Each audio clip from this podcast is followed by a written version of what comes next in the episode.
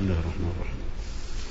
لم يكن الذين كفروا من أهل الكتاب والمشركين منفكين حتى تأتيهم البينة.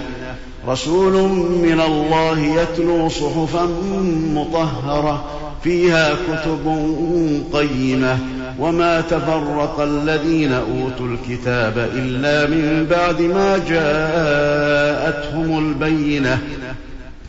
وما امروا الا ليعبدوا الله مخلصين له الدين حنفاء ويقيموا الصلاه ويؤتوا الزكاه وذلك دين القيمه ان الذين كفروا من أهل الكتاب والمشركين في نار جهنم خالدين فيها أولئك هم شر البرية.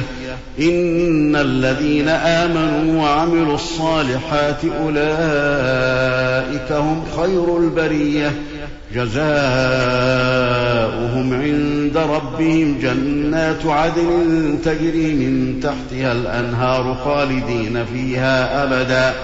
رضي الله عنهم ورضوا عنه. ذلك لمن خشي ربه.